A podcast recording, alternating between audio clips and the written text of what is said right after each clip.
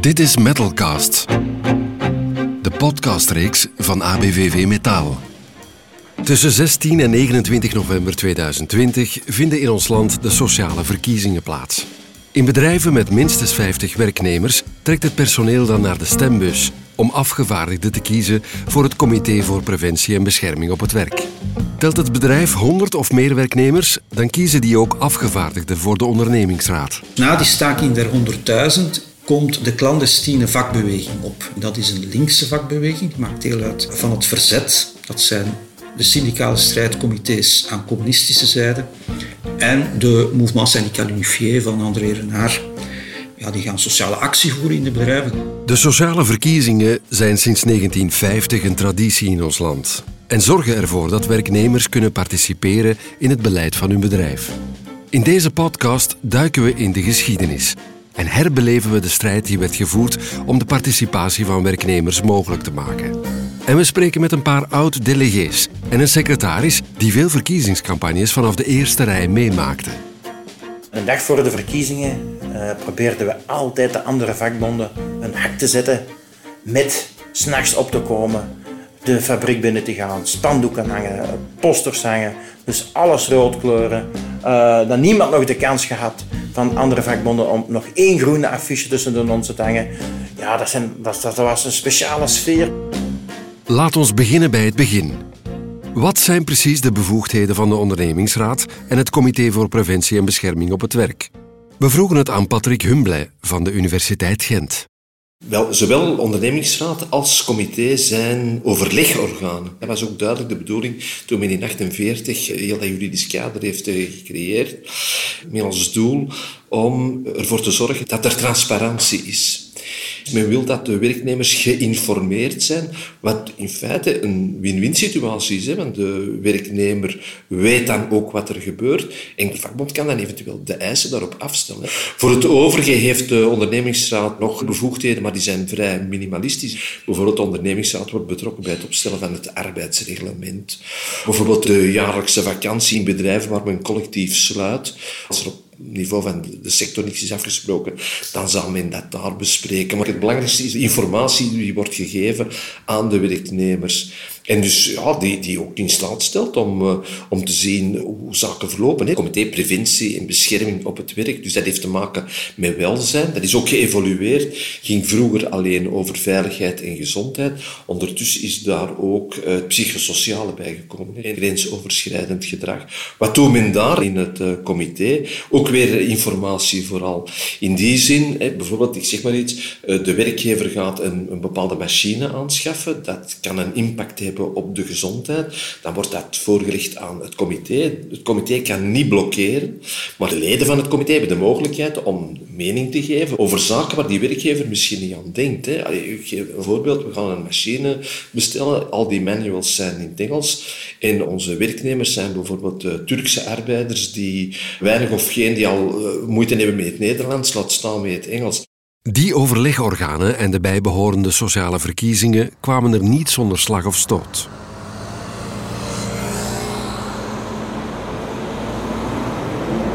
We trekken naar Brussel voor een gesprek met Dirk Luiten van CG Soma, een onderdeel van het Rijksarchief. Als historicus onderzoekt hij de geschiedenis van de sociale politiek, de arbeidsverhouding en het sociaal-economische leven. Dirk vertelt ons over de eerste voorloper van ons huidige overlegmodel. Die kwam er in 1887 met de oprichting van de Nijverheids- en Arbeidsraden. Ja, dat klopt. Hè. Die zijn een directe reactie op de grote staking van 1886, een, gewelddadige staking hè, die zich vooral in Wallonië heeft afgespeeld. Er was eigenlijk niks om sociale conflicten op te lossen behalve repressie en men stuurt er dan gewoon eigenlijk het leger op af. Vandaar dat de regering een initiatief neemt en dus die nijverheids- en arbeidsraden gaat oprichten. En het doel is om sociale conflicten te voorkomen, sociale conflicten op te lossen. Nu, die raden zijn regionale raden dus geen nationale. De afgevaardigden van de arbeiders worden direct verkozen zonder interventie van de vakbonden. Het is wel van belang om dat te zeggen, dat eigenlijk die nijverheids- en arbeidsraden een voorbeeld zijn van de vijandigheid van de werkgevers, maar ook van de staat, die dus heel erg doordrongen is van het economisch liberalisme op dat moment, die eigenlijk vakbonden heel erg wantrouwen. Dus die krijgen daar eigenlijk geen enkele institutionele rol. Moet ook aan toegevoegd worden dat de vakbonden op dat moment nog niet heel erg sterk waren. Na de Eerste Wereldoorlog verandert dat. Het ledenaantal van de vakbonden neemt fors toe en er worden paritaire comité's opgericht in de belangrijkste sectoren van onze economie. De eerste paritaire comité's, zoals we die vandaag eigenlijk nog altijd kennen, werden opgericht onmiddellijk na de Eerste Wereldoorlog in de sleutelsectoren van de economie. Dat zijn op dat moment de steenkoolmijnen, de staalnijverheid, de metaalconstructie. De werknemers worden vertegenwoordigd in die paritaire comité's door vertegenwoordigers van de twee grote vakbonden op dat moment, de voorloper van het ABVV en aan de andere kant het ACV. Dat heeft te maken met de hele sterke groei van de vakbeweging na de Eerste Wereldoorlog. Het ledenaantal stijgt spectaculair. De arbeiders ja, die komen eigenlijk verarmd uit de Eerste Wereldoorlog. Die willen daar ook een compensatie voor. En je krijgt dan ook een heel grote stakingsgolf. De werkgevers staan op dat moment nog altijd weigerachtig tegenover het overleg in de paritaire comité's. Want dan zouden ze de vakbonden moeten erkennen. En dat was voor hen een bittere pil om te slikken. Toch worden de paritaire comité's snel een belangrijk instrument om de sociale vrede te bewaren. Maar die paritaire comité's gaan collectieve arbeidsovereenkomsten afsluiten waar minimale loon- en arbeidsvoorwaarden worden afgesproken voor één bepaalde sector. Dat is een strategie die heel verleidelijk is voor de vakbonden, omdat een collectieve arbeidsovereenkomst betekent dat je zekerheid hebt op lange termijn voor een grote groep werknemers. Het is ook minder riskant dan een staking, hoewel ik er onmiddellijk moet aan toevoegen dat overleg en staking elkaar geen sinds uitsluiten. Dus in de sectoren met overleg wordt nog veel gestaakt. Waarom? Wel omdat de werkgevers nog altijd eerder weigerachtig staan tegenover dat overleg. Dus de, de patroons zijn er minder voor gewonnen dan de werknemers. Van sociale verkiezingen is er op dat moment nog geen sprake. Het zijn de vakbondsecretarissen die de werknemers vertegenwoordigen in de nationale paritaire comité's. Bovendien verliest de vakbeweging vanaf 1922 haar invloed en raakt het sociaal overleg in het slop. Tot de grote staking van 1936. 1936 is een heel belangrijk moment, omdat dan de paritaire comité's veralgemeend worden. Dus elke sector krijgt zijn paritair comité. En dat heeft te maken met de grote werkstaking van 36, die eigenlijk ja, heel veel mensen mobiliseert. Eh, we zien ook dat de nieuwe groepen in staking gaan, bijvoorbeeld bedienden die dat ervoor niet deden, die doen ook mee aan die staking. Vier jaar later breekt de Tweede Wereldoorlog uit en verbiedt de Duitse bezetter de vooroorlogse vakbonden. Toch vindt er tijdens de oorlogsjaren een omwenteling plaats, die later uitmondt in het Sociaal Pact. Dat akkoord tussen werknemers en werkgevers is nog altijd de basis van ons huidige overlegmodel. Het startpunt is een grote staking in mei 1941. De zogenaamde staking der 100.000. 70.000 mijnwerkers en metaalarbeiders gaan in staking en zullen ook een loonsverhoging afdwingen. En dat is eigenlijk het signaal voor een deel van de werkgevers om een beetje het geweer van schouder te veranderen. En ze gaan dus vanaf de herfst van 41 besprekingen aanknopen met die vooroorlogse syndicale leiders. En daar komt er het Sociaal Pact uit. Dat wordt afgesloten officieel op 24 april 1944, dus een paar maanden voor de bevrijding. Dat Sociaal Pact dat is geen groot compromis tussen kapitaal en arbeid. Nee, het is een compromis tussen een deel van de werkgevers en een deel van de syndicale beweging. Deel van de werkgevers, dat zijn wat men in het algemeen de modernistische werkgevers noemt, dus zij die openstaan voor sociale vernieuwing. En dat zijn vooral de werkgevers uit de sector van de metaalconstructie en bijvoorbeeld de chemie. De meer traditionele werkgevers, ik denk bijvoorbeeld aan het steenkolenpatronaat, die zijn daar valikant tegen, die zijn daar ook niet bij betrokken. Dus het is een bepaalde groep bij de werkgevers. Het is ook een bepaalde groep bij de vakbonden. Het zijn de vooroorlogse, vooral vooroorlogssocialistische vakbonden, die bij dat overleg betrokken worden en die het sociaal pact afsluiten. Wat zijn de krijtlijnen van het sociaal pact? Een eerste deel omvat de basisprincipes van onze huidige sociale zekerheid. Een tweede belangrijk deel gaat over het sectorale overleg in de paritaire comité's. Van syndicale participatie in de ondernemingen is dan nog geen sprake in het Sociaal Pact. Maar op het terrein verandert er veel tijdens de oorlogsjaren. De clandestine linkse vakbeweging verschuift de syndicale actie van de sector naar het bedrijf. Die vraag naar economische democratie zal grote gevolgen hebben. Na die staking der 100.000 komt de clandestine vakbeweging op. Dat is een linkse vakbeweging, die maakt deel uit van het verzet. Dat zijn de syndicale strijdcomité's aan communistische zijde en de Mouvement Syndical Unifié van André Renard. Die gaan sociale actie voeren in de bedrijven, gaan ook proberen om productie te saboteren enzovoorts. En die maken eigenlijk van het bedrijf de centrale plaats, laten we zeggen, van de syndicale actie. Dus niet meer het sectorale niveau, de paritaire comité's zoals voor de oorlog, maar eigenlijk het bedrijf. Het bedrijf primeert eigenlijk echt voor hen.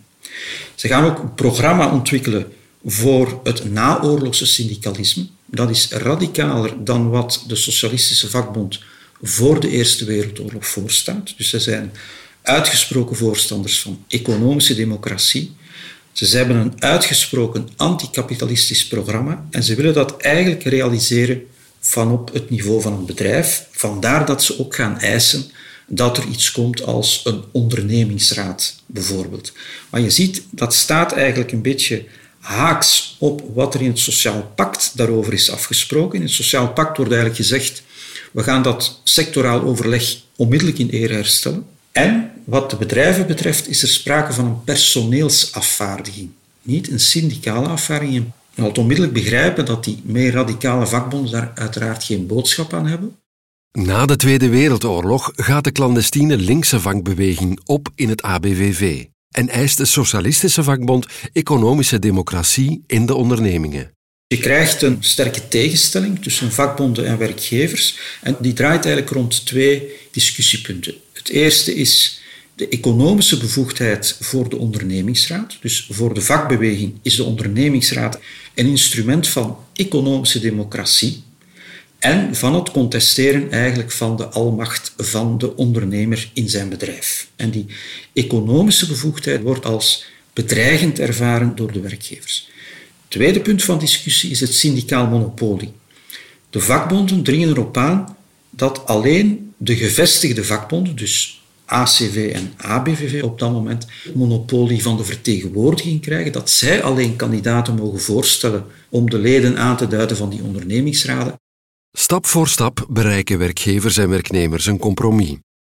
In 1947 komt er een akkoord over de syndicale delegatie tot stand. In 1948 volgt de wetgeving die de ondernemingsraad in het leven roept. In 1950 vinden de eerste sociale verkiezingen plaats. En in 1952 ontstaat het Comité voor Preventie en Bescherming op het Werk. De winnaar is het ABVV, althans bij de arbeiders. Bij de arbeiders haalt het ABVV 64,8% het ACV 33,3% en bij de bedienden zijn ze elkaar ongeveer waard met een klein overwicht voor het ACV. Dat succes was niet in alle provincies vanzelfsprekend voor het ABVV. Dat weet ook Tony Kastermans. Hij startte in 1966 bij Fort Genk. In 1968 nam hij deel aan zijn eerste sociale verkiezingen en werd hij als jongere verkozen in de ondernemingsraad. Later ging hij als vrijgestelde aan de slag bij het ABVV. Vandaag geniet hij van zijn pensioen en verdeelt hij zijn tijd tussen zijn kleinkinderen en zijn vrijwilligerswerk voor Natuurpunt. In Limburg werden wij overal met de rug aangekeken als ABVV'ers.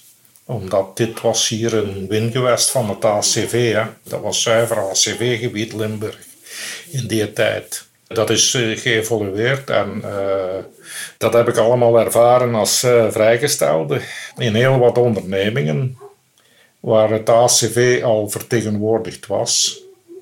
Hadden we het heel moeilijk om binnen te geraken. Werkgevers maakten daar afspraken met het ACV. Op heel wat plaatsen was het zelfs zo dat in gemeenschappelijk overleg tussen de vakbond en de directie bepaald werd wie dat syndicaal afgevaardigde werd.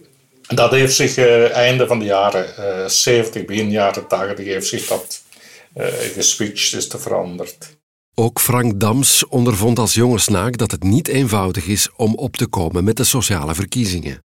Zijn werkgever dreigde zelfs met ontslag.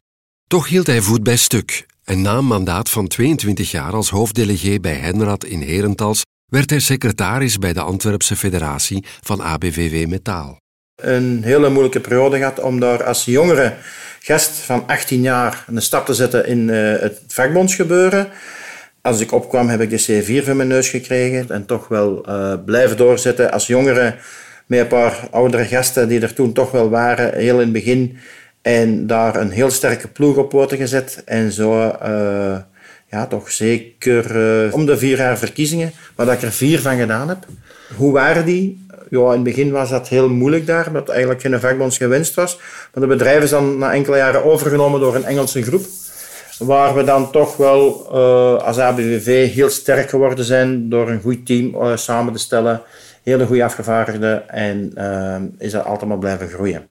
Geschikte verkiezingskandidaten vinden en overtuigen was niet altijd gemakkelijk, ondervond Tony Kastermans. De zaken waar dat we het heel moeilijk mee hadden, dat was altijd om kandidaten te vinden. Als je dus in een onderneming nieuw moest binnenkomen, gaat het weerwerk van het ACV, maar gaat dus ook het weerwerk van die baas. En we moesten altijd heel voorzichtig zijn als we al ergens een lid hadden, dan gingen we die opzoeken. En soms konden we die overtuigen om zich kandidaat te stellen. En eventueel andere collega's aan te brengen om de lijsten te vullen. Maar dat was avond- en nachtwerk altijd. Uh, je moest, moest die mensen thuis gaan lastigvallen. Je moet een neus hebben voor geschikte kandidaten. Dat vindt ook Simon Laarmans. Zij werkte 40 jaar voor Duracell in Aarschot, waar ze zich engageerde als ABVV-militant en uiteindelijk hoofdafgevaardigde werd. Wij zeggen dat altijd, de volgende verkiezingen beginnen de dag na de verkiezingen. Van het moment dat uw lijst klaar is, oké, dan is het goed, dan is hem klaar. En dan worden de verkiezingen gehouden, uw delegees, uw afgevaardigden komen eruit. Maar dan starten wel al opnieuw rondkijken, rondhoren van wie kan ik proberen vast te krijgen. Nu, met een wisselend personeelsbestand is dat natuurlijk niet gemakkelijk. Er zijn heel veel bedrijven waar dat ze met een pak interims werken, dan is dat heel moeilijk. Dus uw bestand van vaste werknemers krimpt en binnen dat bestand moeten dan uw militanten al gaan zoeken voor binnen vier jaar. Maar dat is telkens gelukt, dus dat is geen probleem. Dat ligt ook een stuk aan uw werking. Als uw werking iets bepaald uitstraalt van oké, okay, zij stellen vragen en ze krijgen antwoorden, dan kunnen natuurlijk gemakkelijker kandidaten krijgen omdat ze zeggen oké, die werken en dat is goed en dan lukt dat wel. Je hebt een goed team met gemotiveerde militanten nodig om de verkiezingen te winnen. Anders lukt het niet. Alleen kan je dat niet doen, en zeker niet in een groot bedrijf, waar je dus een productiesysteem van 24 op 24. Dus je moet zien dat uh, gans je campagne loopt over die 24 uren. Dus dat is wel hard werken en dat is wel kunnen steunen op, op een gans team die ook in die ploegen staan en dat je allemaal aan dezelfde kar trekt om dat te doen. Hè. Anders lukt dat niet. De sociale verkiezingen zorgen altijd voor een bijzondere sfeer in het bedrijf, vindt Simon. Er werd gestreden voor elke stem. Toch vond ze het belangrijk om goed overeen te komen met de andere vakbonden. De dag van de verkiezingen niet, dan waren we precies vijanden van elkaar. Dat mag, hè. Want je, je vecht tenslotte voor de stemmen van de mensen. De periode ervoor en daarna, dan probeerden wij natuurlijk samen te werken om het gemeenschappelijk doel. En dat is alle mensen verdedigen ten opzichte van de werkgever. Want als je in een crisissituatie komt en men spreekt over uh, afdankingen en ont dan moet niet ieder in uw eigen kot gaan kruipen. Nee, dan moeten de gemeenschappelijke belangen verdedigen. Maar uh, natuurlijk dat dat spannend was. En de andere vakbond kwam dan misschien met een nog uh, nieuwer idee dan jij. En dan, dan werd er eens mee gelachen. Dat moet, vind ik, want het moet plezant blijven uiteindelijk. Het mag zeker geen vijandige sfeer oproepen. Dat is niet goed. De mensen zien dat dan. En dan zeggen ze, allee, wat kinderen zijn daar nu bezig. Moeten zij ons verdedigen ten opzichte van de werkgever? Dat moet je dus niet laten gebeuren. Als vakbondsecretaris komt Frank Dams in heel wat bedrijven over de vloer. Ook hij merkt een bijzondere sfeer als de sociale verkiezingen in aantocht zijn. Iedere vier jaar uh, komt dat tot leven, die sociale verkiezingen. En uh, dat brengt toch wel wat spanningen mee. Je werkt eerst vier jaar samen en dan komt de strijd kandidaten zoeken. Soms wordt er al eens afgesnoept van elkaar. Dus ja, dat, brengt dan wat spanningen, wat uh, emoties mee. Dat gebeurt, uh, dat mensen niet content zijn bij hun andere vakbond. Die komen dan bij een andere terecht. En dat brengt spanningen mee. Die sfeer rond, eh, dat wordt wat bitsiger. Ook in de vergaderingen merkte dat soms. Dat dan toch wel sommige vakbonden ineens wakker schieten. En bepaalde punten naar boven halen. Dat je denkt van, oei, maar waar komen ze nu? En dat je dan, dan denkt van, oh ja, allee, ja, we zijn vertrokken. De sociale verkiezingen zijn op komst. Dus dat leeft. De sociale verkiezingen zorgen ervoor dat de zenuwen gespannen staan. Gelukkig maakt ABVV Metaal vaak het verschil met de strijdbaarheid en geestdrift van de militanten.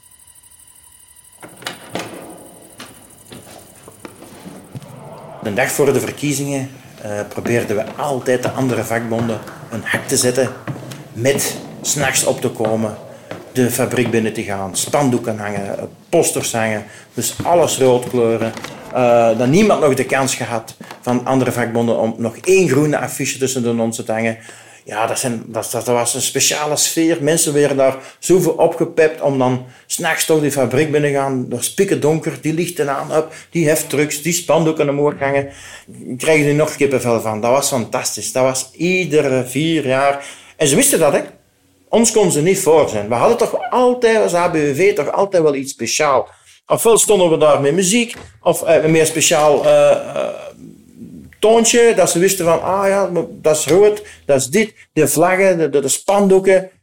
Ja, dat is, ons konden ze daar niet op pakken. Als, als, en dat was fantastisch. Als we dan s morgens toekwamen en je zag de mensen binnenkomen, dan waren vielen die monden open van, wauw, wat is dat hier? Wij hebben tussen hier wel door de vlaggen, de spandoeken, de posters die er hingen. Ja, dat was toch wel fantastisch. Ja, dat was altijd wel een speciale sfeer. Ja. ABVV Metaal voert keer op keer een sterke verkiezingscampagne om een sterk resultaat te behalen. Dat is allemaal goed en wel, maar waarom doen we eigenlijk al die moeite? We geven het laatste woord aan Ronnie Champagne. Je hoort een fragment uit zijn eerste speech als voorzitter van ABVV Metaal. Onze slogan is sta je op en dat typeert wie wij zijn. Wij zijn altijd al opgestaan tegen onrecht en we zullen dat blijven doen. Maar om dat te kunnen blijven doen, moeten we natuurlijk eerst een goed resultaat neerzetten bij de verkiezingen. Zoveel mogelijk van onze mensen een verkozen mandaat bezorgen, dat is de doelstelling. Immers, hoe meer AVV'ers er verkozen worden, hoe meer we op de lokale situatie in het bedrijf kunnen wegen. En daarvoor rekenen we op jullie kameraden, op onze militanten. Maar net zo goed mogen jullie op ons, op jullie secretaris en op de centrale rekenen.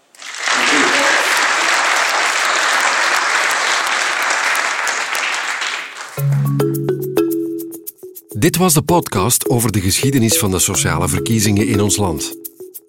Onze oproep voor jou? Sta mee op met het ABVV en kies voor lijst 3. Voor deftige jobs met goede lonen en haalbare werkuren. Voor sterke statuten en degelijke contracten. En voor veilige en gezonde werkomstandigheden. Sta mee op.